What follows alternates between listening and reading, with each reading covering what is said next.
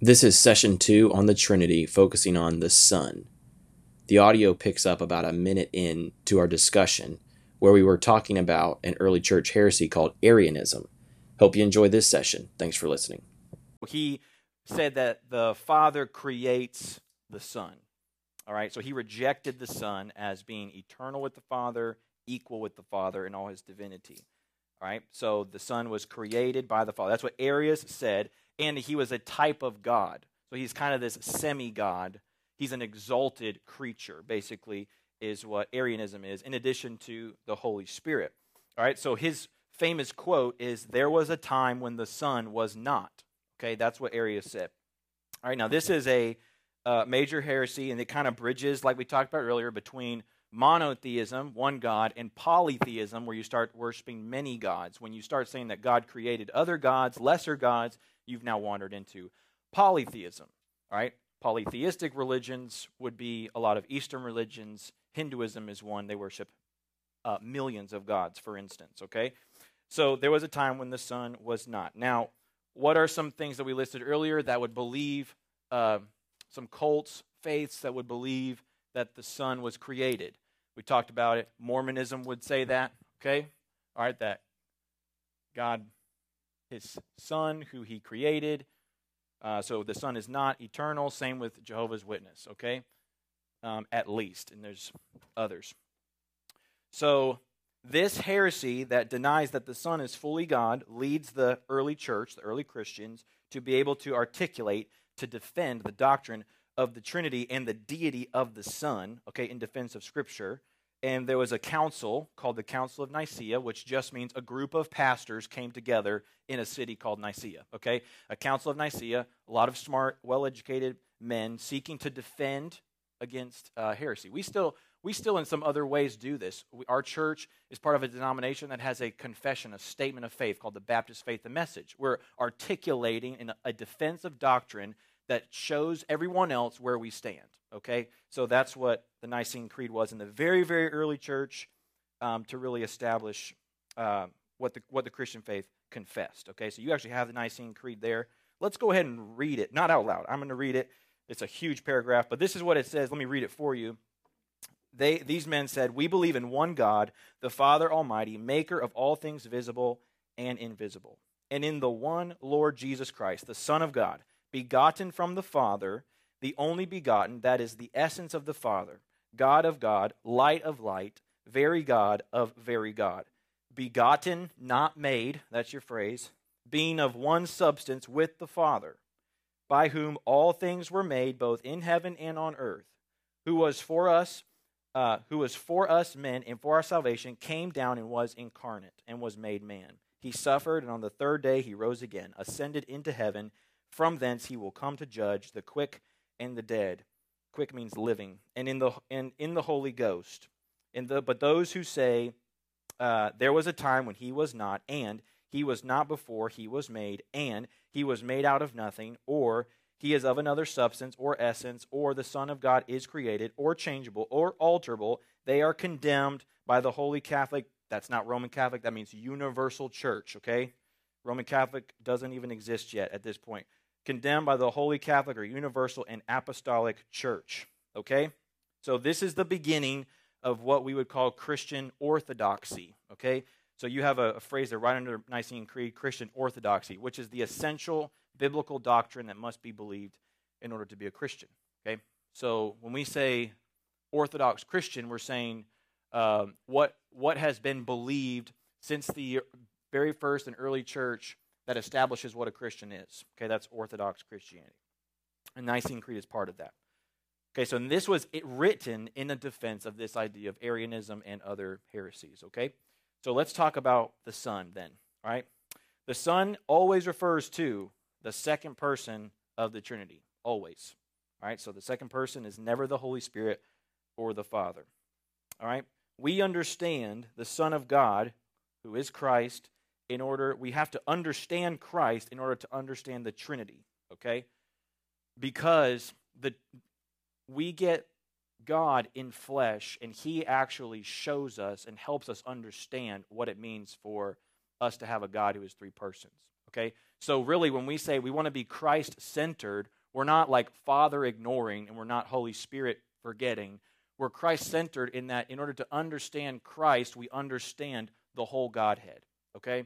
That makes sense? So we want to be Christ centered because to be Christ centered is to be Trinity centered and Trinity understanding. Because the Son is from the Father, and the Son reveals the Father to us and brings us to the Father. And the Son is going to send the Spirit to us so that we can, again, know the Son and become like the Son so that we can be brought into a relation with the Father. So the Son is key. All right, he helps us understand that the um, that the Trinity is three in one. All right, if we get the Son wrong, if you get Jesus wrong, you get the whole thing wrong. All right, if you get Christ wrong at any point, you get the whole gospel wrong, and that's really important. So when you're talking about the gospel to somebody, all right, you need to not talk about, or you need to move from, let's say, speaking about God in general terms to speaking about Jesus in specific terms. All right? All right? So you need to say things like not just believe in God, but believe in Jesus. right? The Son of God. But you need to move past that because when you say believe in God, well, the demons believe in God and they shudder, right? So you got to go past that. And a lot of faiths believe in God. So you got to move past, you got to establish who Jesus is. I was just reading with my kids last night, Mark in Mark chapter 8. Jesus says to Peter, Who do people say that I am? Who do people say that I am? They say, Well, some say you're Elijah, one of the prophets. Some say you're um, John the Baptist. He says, Who do you say that I am? You are the Christ, right? We've gone from people having no idea who Jesus is. Therefore, they can't understand who God is. And therefore, you've got to get Jesus right in order to understand who God is, right? Jesus is the Christ, the Son of God. Okay. So let's first talk about the deity of the Son. Deity means his divineness, his godness, right? His divinity. So, number one, Christ, the Son of God, is fully God and co equal in divine nature and attributes with Father and Spirit. Okay? He is co equal in divine nature and attributes with the Father and the Spirit. So while remaining distinct in function, right, what he does and his role and his person, the Son has always again possessed all for all eternity the fullness of deity, the fullness of what makes him God. There was never a time when the Son was not fully divine. He's always been fully divine for all eternity. So when the Son takes on humanity as this Messiah, taking on the name Jesus, all right, he still always remained what he was fully God. Okay? So Colossians 2 9 says, In him the fullness of deity dwells bodily. John 1 14, And the Word became flesh and dwelt among us, and we have seen his glory, glory as of the only begotten Son from the Father full of grace and truth. All right, so the fullness of his deity dwells bodily. We go back to that verse we read earlier in Hebrews chapter 1. Long ago, and many times, in many ways, God spoke to our fathers by the prophets. In these last days, he has spoken to us by his Son, whom he appointed the heir of all things, and through whom he created the world. He is the radiance of the glory of God and the exact imprint of his nature. He upholds the universe by the word of his power. Okay, so this is very, very, very important. So he is fully God, and he never changes from this. He never breaks from this. Ontology, remember? He has to always be what he has always been. Ontology means you can never break from what you are. You were always this. Okay, so even when he adds flesh, we'll talk about his humanity in a minute. He, this never breaks, this never changes. The Son reveals to us then in the flesh all the fullness of God's uh, attributes, his nature, his glory, his divinity, what he is like. Okay? So um, in John 14, uh, 9, Jesus says to uh, Philip, Whoever sees me has seen the Father. Okay, so he's saying, if you see me, you know what the Father is like. Because we're the same. We have the same nature. We have the same attributes, same deity, same will. Okay? Um, so the Son shares God's communicable attributes. I will write that for you. All right? Communicable attributes, okay? This means attributes that God communicates to his people or to people that we are able to participate in, that we can experience, that we can not just understand in our minds, but that we actually get to enjoy and live out ourselves. So Jesus communicates God's love. Okay, Romans 8, 35 and 39. God's righteousness, Acts 3, 14. 1 John 2, 1. God's holiness, Hebrews 4, 15 says that he was without sin. God's wrath, Revelation 6, 16, right, which is what I was trying to say in a sermon one time, not long ago, and said Revelation 6:20, which does not exist. So Revelation 6:16, God's wrath the Son has. God's grace, John 1:16. From him we've all received grace upon grace. God's truth, I am the way, the truth, and the life, Jesus says, John 14:6. God's justice, John 5:30, which says, I want to read this to you. I can do nothing on my own. As I hear, I judge, and my judgment is just because I seek not my own will, but the will of him who sent me. The judgment has been given to the Son. God's patience, James 5, 7, and 8. God's kindness, Ephesians 4:32. God's compassion, Colossians 3:12. So Jesus shows us all of these attributes. And we as Christians are now actually commanded to actually live out these attributes. All right? Or if not commanded to live them out, we can experience them, right? So we are actually not called to live out wrath, but people can certainly experience God's wrath who reject Him, right? Um, so, yes, these are what we call communicable attributes, okay? Then the Son also reveals not just communicable attributes, but all of God's incommunicable attributes, all right?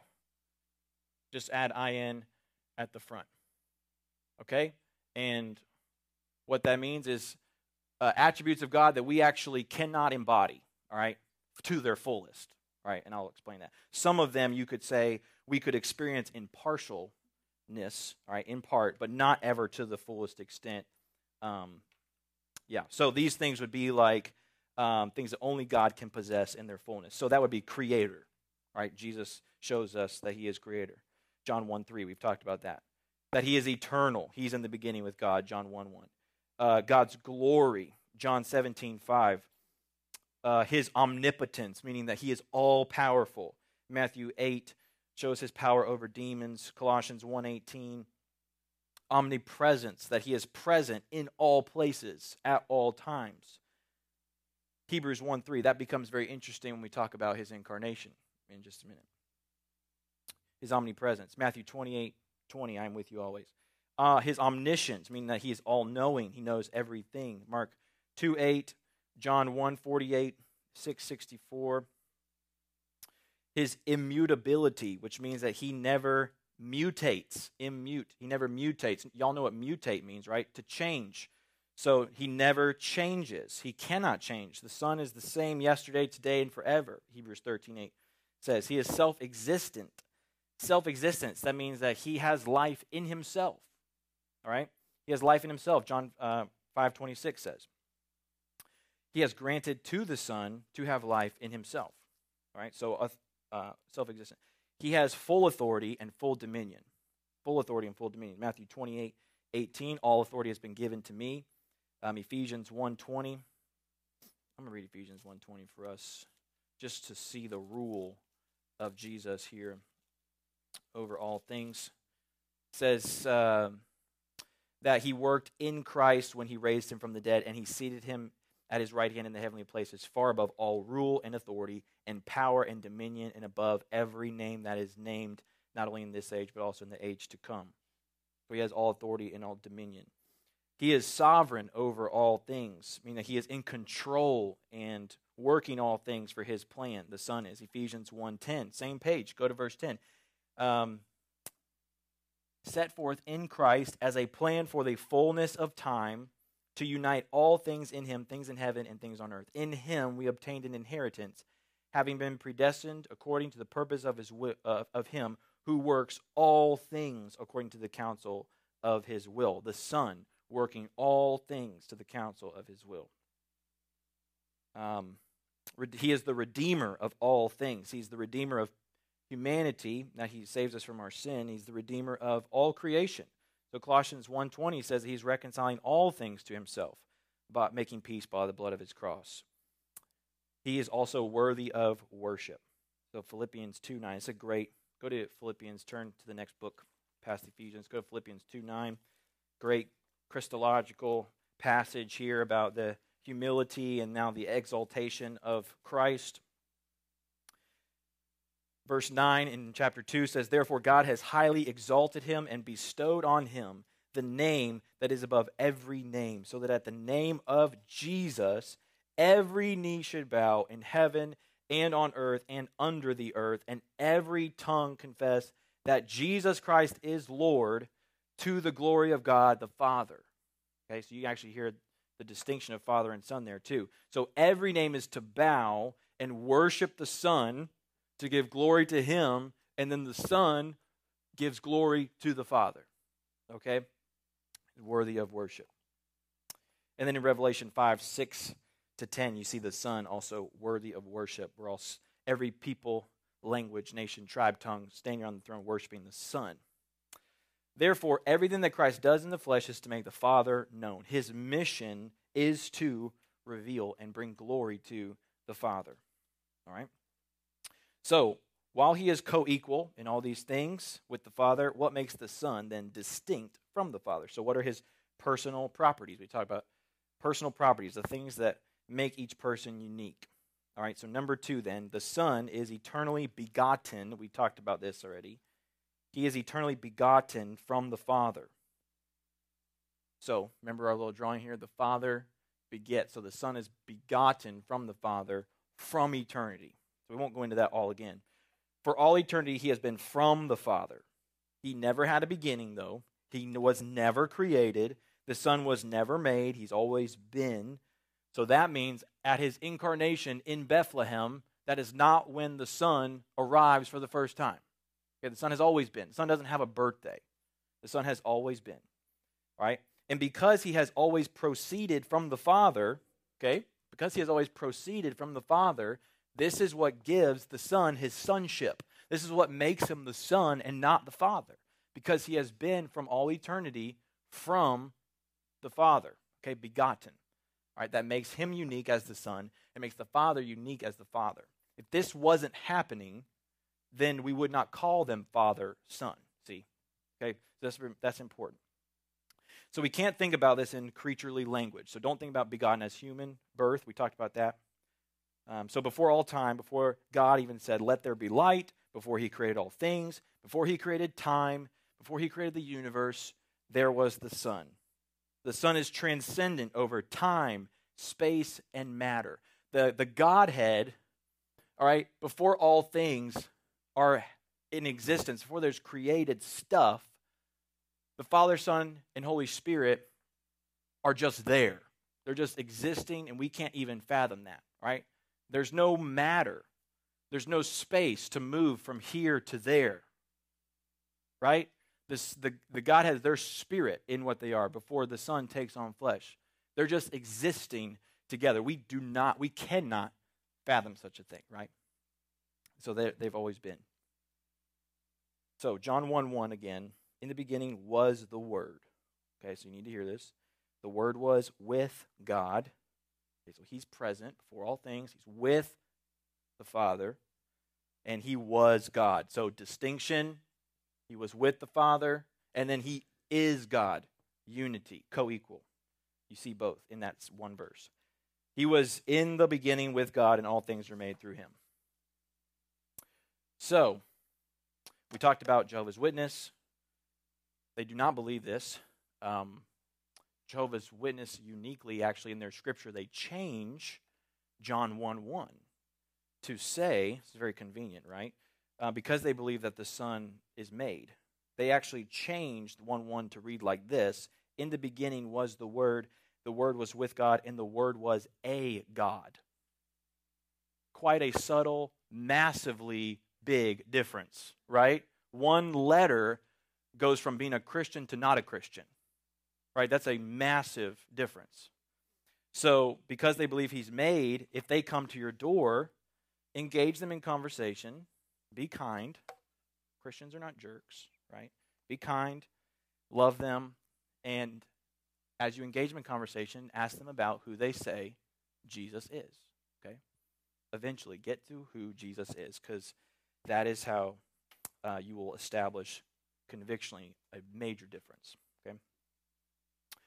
All right, number three. Only the Son becomes incarnate, becoming fully man while remaining fully God. Only the Son becomes incarnate, okay? The Father does not take on flesh. No, no. The Holy Spirit does not take on flesh. The only the Son takes on flesh. Okay? So all right? So the Son, uniquely, only the Son, all right, his mission, I'll move for you guys behind me in just a minute. All right, his mission is to come redeem us, and he adds, while remaining what he is, he adds humanity. Okay? We'll give him a beard for fun. Okay? So he adds humanity. What? Is it heresy? Probably is. Okay. We're just assuming Jesus had a beard for this illustration, okay? So he adds humanity while remaining what he is. Okay, so he does not remove deity at all when he adds a second nature. Okay, so let's read a couple verses, then I'll talk about that some more. So the plan from all time was for the Father to send the Son. This was the plan. It wasn't when Genesis 3 happened, the Trinity didn't gather together and was like, let's draw straws. Who's going down? Okay? No, no, no. This is the plan for all eternity to send the Son. Okay, so the Son is a willing, loving, joyful Son to go and be sent by the Father. Okay, this was the plan for all time. And he takes on flesh. So Galatians 4 4 says, When the fullness of time had come, God sent forth his son. So that's that establishes this is a plan. Fullness of means this was always the plan. God sends forth the son, born of a woman, born under the law, to redeem those who were under the law, so that we might receive adoption as sons. So the Father does not become incarnate, the Spirit does not become incarnate. Only the second person, the Son, becomes incarnate. And he has still always existed with the Father and the Spirit for all time and he is now being sent to redeem us. Okay? So, when he adds a nature, all right, the Son is now one person. Okay? He's still one person. He's still the only the active subject, the Son. Okay? And he is now acting or acting out his one personhood in two natures, okay? Two natures means he has a fully human nature that he added while still existing in a fully divine nature 100% and 100%. Okay? Not 50 50, not, not some sort of uh, Prius hybrid car. Okay? So he doesn't become some sort of superhuman. Okay? He is, the natures are distinct. All right, they don't kind of mix into one into one um, kind of hybrid nature. They're distinct natures while always being one person as he adds humanity. All right, so this is really important. Like the Son can never break this. You're, you're not going to get. You're not going to understand this. Okay, so the Son can never break from this because of ontology. The Son can never stop being what he is ever including omnipresent. That's right, including omnipresent, which you're like, well, no, no, no. The Son, when He's here on earth, He's in one place. In His human nature, He's in one place. In His divine nature, He is still existing everywhere all the time. So you can think about that as you lay down tonight when you go to sleep, okay? Because he can, the reason is because he cannot break from this. He cannot if he breaks from this, he's no longer God. He ha- Colossians 2 9, the fullness of deity dwells bodily. If, if you say he is no longer some of these things to add a human nature, then you have now made Colossians 2 9 a lie. Because the fullness of deity has to be the fullness of deity, not the fullness of deity minus a couple of things to become a human. Right? So the incarnation is addition. All right? It is addition. It is not subtraction. All right? Subtraction. All right? It is not that. No, addition.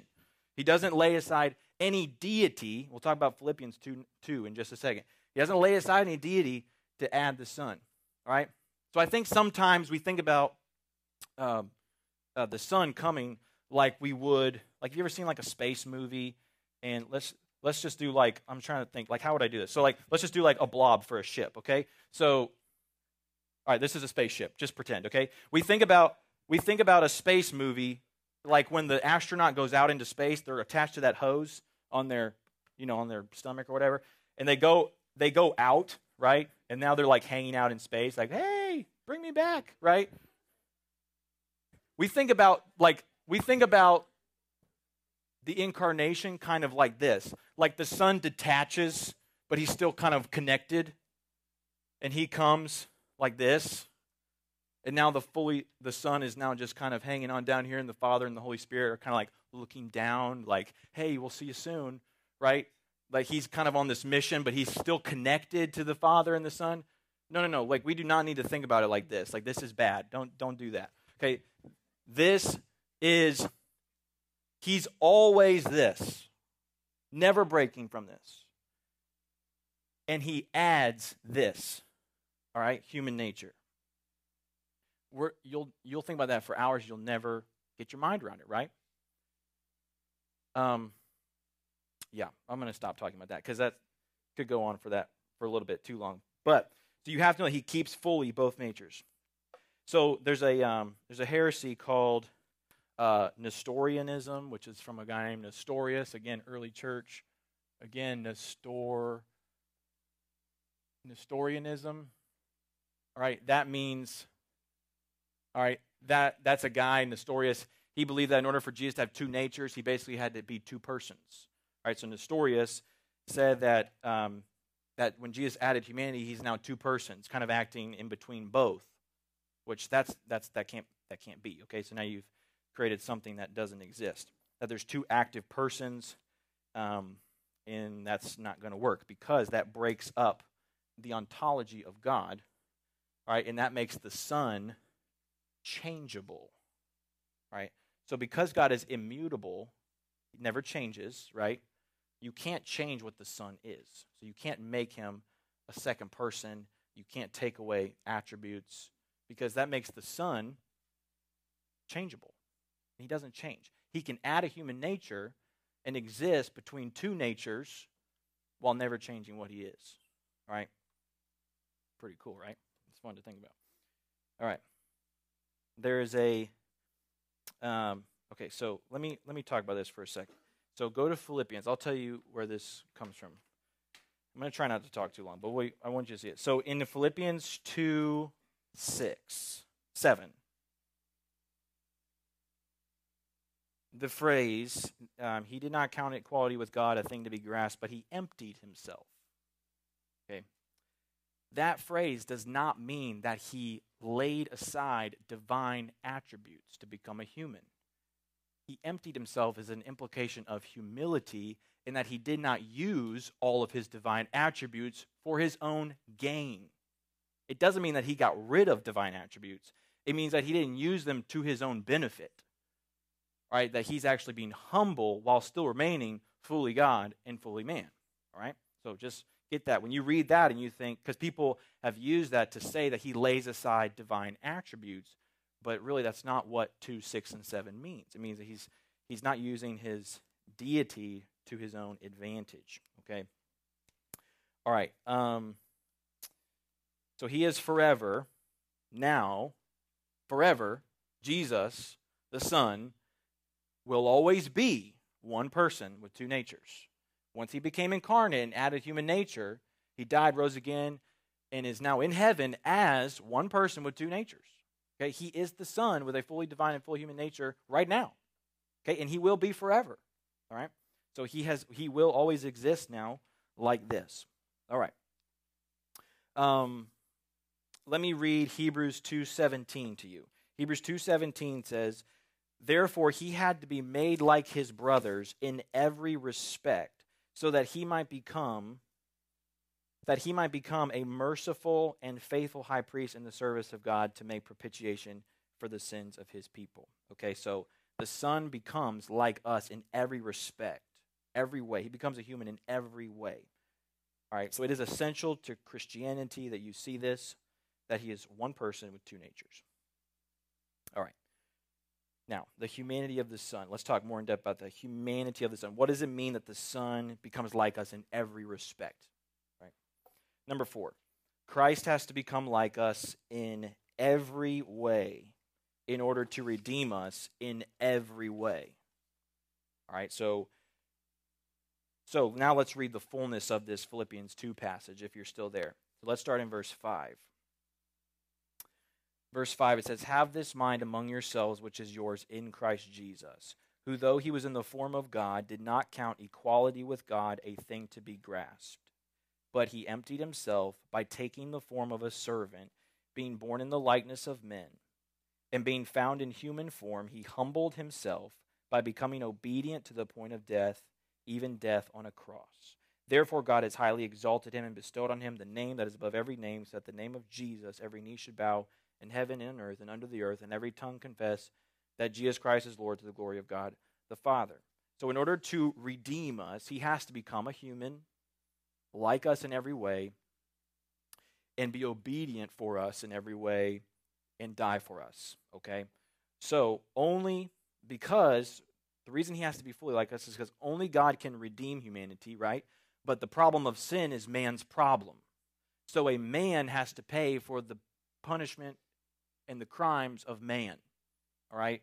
So, the only way that we can be saved is if a man dies in our place and a man gives us righteousness that we currently do not possess. All right? So, we need a perfect human substitute for us. And that's why Jesus takes on, the Son takes on humanity. So, the Son of God takes on full humanity in order to redeem humanity uh, Romans 8, 2 and 3. For God has done what the law, I'm sorry, 3 and 4 is what I meant to say there. For, the, for God has done what the law, weakened by the flesh, could not do. By sending his own Son in the likeness, very important word, in the likeness of sinful flesh, and for sin, he condemned sin in the flesh, in order that the righteous requirement of the law might be fulfilled in us who walk not according to the flesh, but according to the Spirit. So, he becomes like us in every way to condemn sin and be the righteous requirement for us that we cannot complete ourselves. So here's here's how he is like us. Right? Here's just some of the things, okay? Jesus was born from a woman like all human babies, Luke 2 7. Jesus grew up from childhood to teen years to adulthood, Luke 2 40 to 43. Can you imagine? Teenage, bless you. Can you imagine teenager Jesus? Imagine all the other teenage kids around him T- Jesus never messes up, right? Teenage to adulthood, Jesus. Jesus suffered like us physically in his body. Jesus died physically in his body, Matthew, 2, Matthew 27. Jesus experienced the full range of human emotion. So he experienced compassion, like pity, Matthew 9, love, John 11, anger, Mark 3. That's the flipping the tables. Joy, John 15, 11. Disappointment, Mark 8, 17. Sadness and tears, that's when Jesus wept at the death of Lazarus. Stress, when Jesus is in the Garden of Gethsemane, it says he's so stressed that his sweat became like drops of blood. Luke 22. Jesus was hungry. Matthew 4. Jesus was tired. Matthew 8. Sleeping on a boat. Jesus was tempted. Matthew 4 and Hebrews 4:15, yet without sin, but tempted like us. Jesus had a human soul, which is hard for us to imagine. John 12:27. Jesus had a human mind that learned uh, that was able to learn and grow in understanding. And Jesus had a human will, decision making capacity. Okay, so Jesus had a human will. So um, there is another uh, heresy called Apollinarianism. Told you we were going to do a lot of heresies. You guys didn't believe me, okay? So there's another heresy called uh, Apollinarianism, okay? And uh, uh, this believes um, that Jesus took a human body, but not a human mind and not a human soul. That his mind and his soul and his will are still divine, but just his body is human. Okay? But the problem with that is Jesus, in order to redeem us in every way, including redeem our souls, including redeem our minds, he has to become like us in every way. Right? He cannot redeem what he does not assume himself. So he has to become like us in every way, including mind, will, soul. All right? In order to redeem it, perfect it, right? Save it. So, the goal is for humanity to be restored to what it was designed and made to be in union with God. So rede- uh, um, uh, humanity has to be redeemed in every way. Okay. So Colossians 1:19 says, "For in him the fullness of God was pleased to dwell, and through him to reconcile to himself all things, whether on earth or in heaven, making peace by the blood of the cross." All right. So everything that the Son of God does, he does in our place. So the heart of the gospel is substitution, right? Substitution. You have a substitute in your place for everything, right?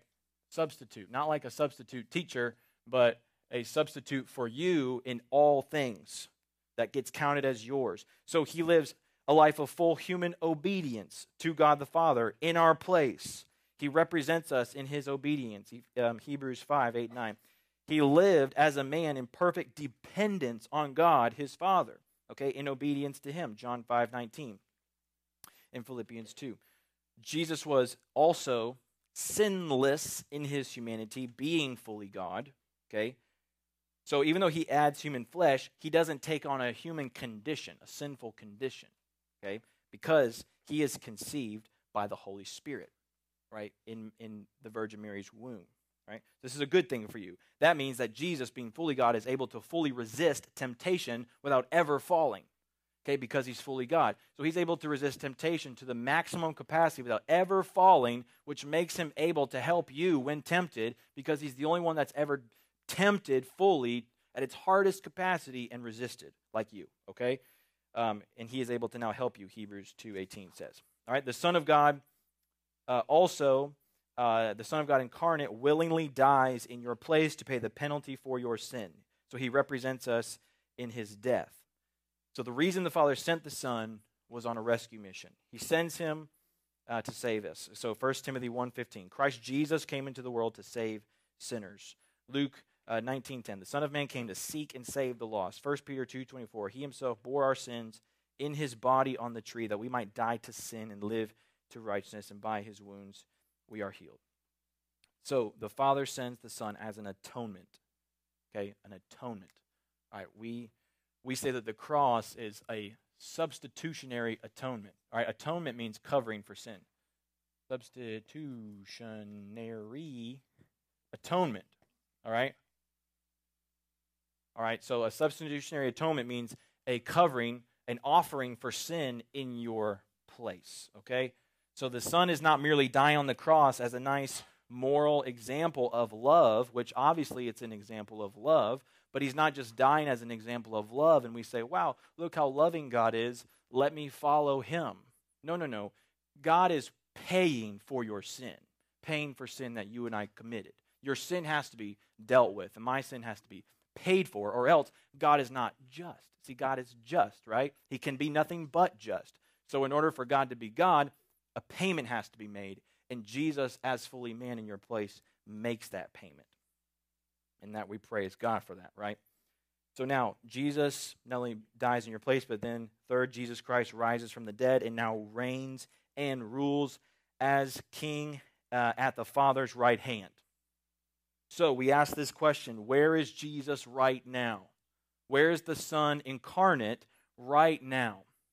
Right now, he has a location right now, the Son of God incarnate is sitting. He is sitting on his throne at the right hand of the Father. That's where he is. Hebrews 12, 2. Looking to Jesus, the founder and perfecter of our faith, who for the joy set before him endured the cross, despising the shame, and is now seated at the right hand of the throne of God. And he is sitting as an accomplishment for sin. That means it's over. And it says that his enemies are a footstool under his feet. You know, when you prop your feet up after a hard day's work, you know what his footstool is? His enemies. Because our king is a conquering king. And he is sitting down at the right hand of the Father as vi- victorious over them and over sin and death. And right now, he reigns and rules as a king, uh, orchestrating all things according to the counsel of his will and interceding for you to the Father right now.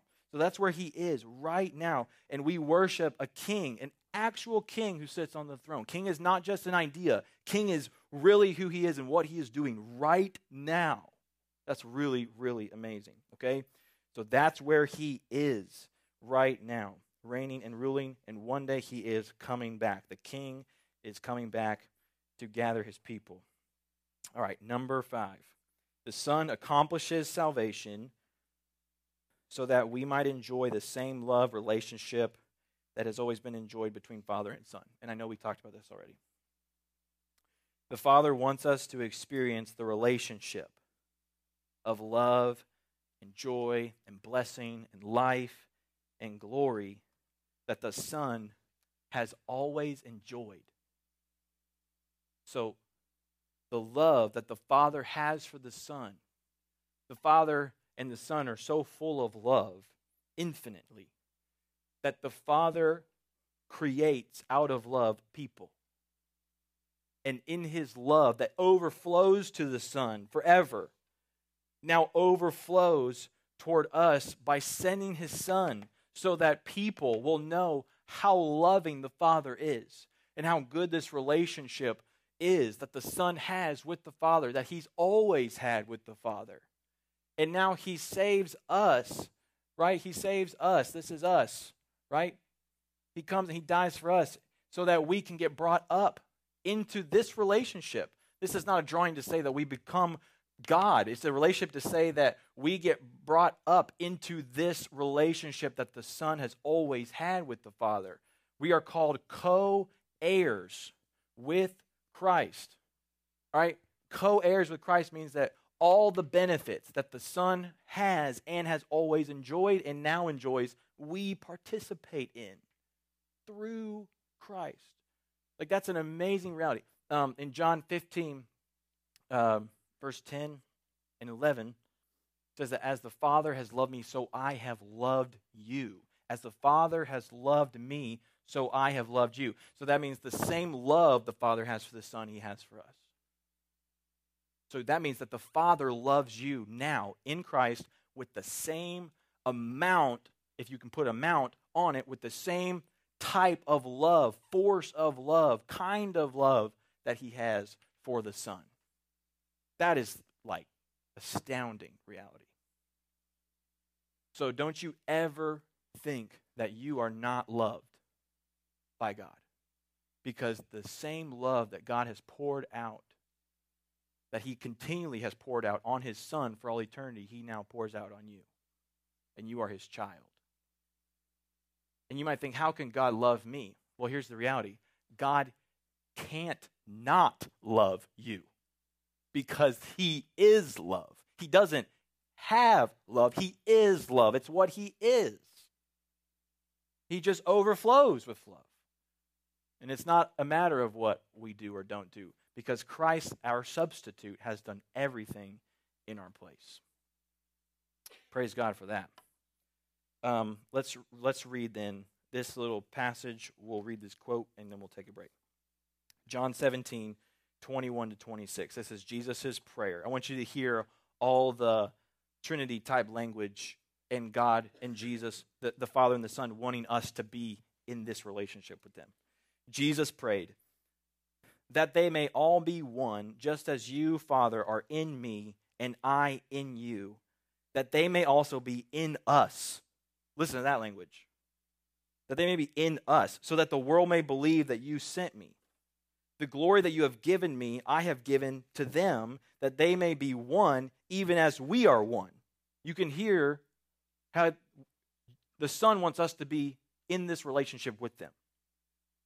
I in them, and you in me, that they may be perfectly one, so that the world may know that you sent me and have loved them even as you have loved me. Same kind of love that the Father gives to the Son, he gives to us.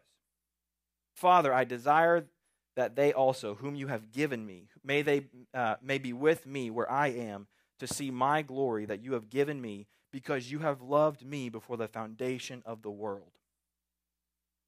I made known to them your name, and I will continue to make it known, that the love which you have loved me may be in them, and I in them. You hear all that language? Father to Son, the love relationship, the unity. Jesus is like, I want them to be in us. I want them to know this love, know this glory that you have given me for all eternity. We get that. That's the gospel. That is amazing reality. It's not just that your sins are forgiven. Your sins are forgiven, but your sins are forgiven for this, so that we can be in this relationship with the Father and the Son that they've always had. It's, it's amazing. So if, if God was not a Trinity, this, none of this could happen. None of this could happen if he was not triune, three in one. All right, let's read this. This is, again, from Michael Reeves in the book, which we're going to give away. This quote The Father then is not about sprinkling blessings from afar. And his salvation is not about being kept at a distance, merely pitied and forgiven by our Creator.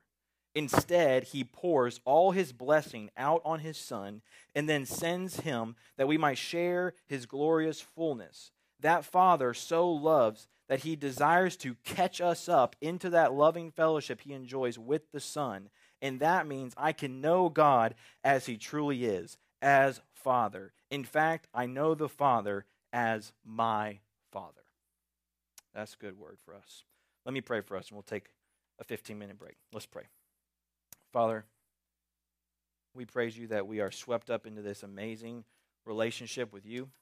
And um, God, we are so loved. We just want to praise you. We just want to thank you God, for loving us. We have there's nothing lovable about us, nothing worthy about us. God, you just love us because you are love, and you pour it out on your Son, who pours it out on us that we can experience it with you. May this change us. This is not information. This is transformation. So would you transform us by it? Give us strength for one more round. We love you in Jesus' name.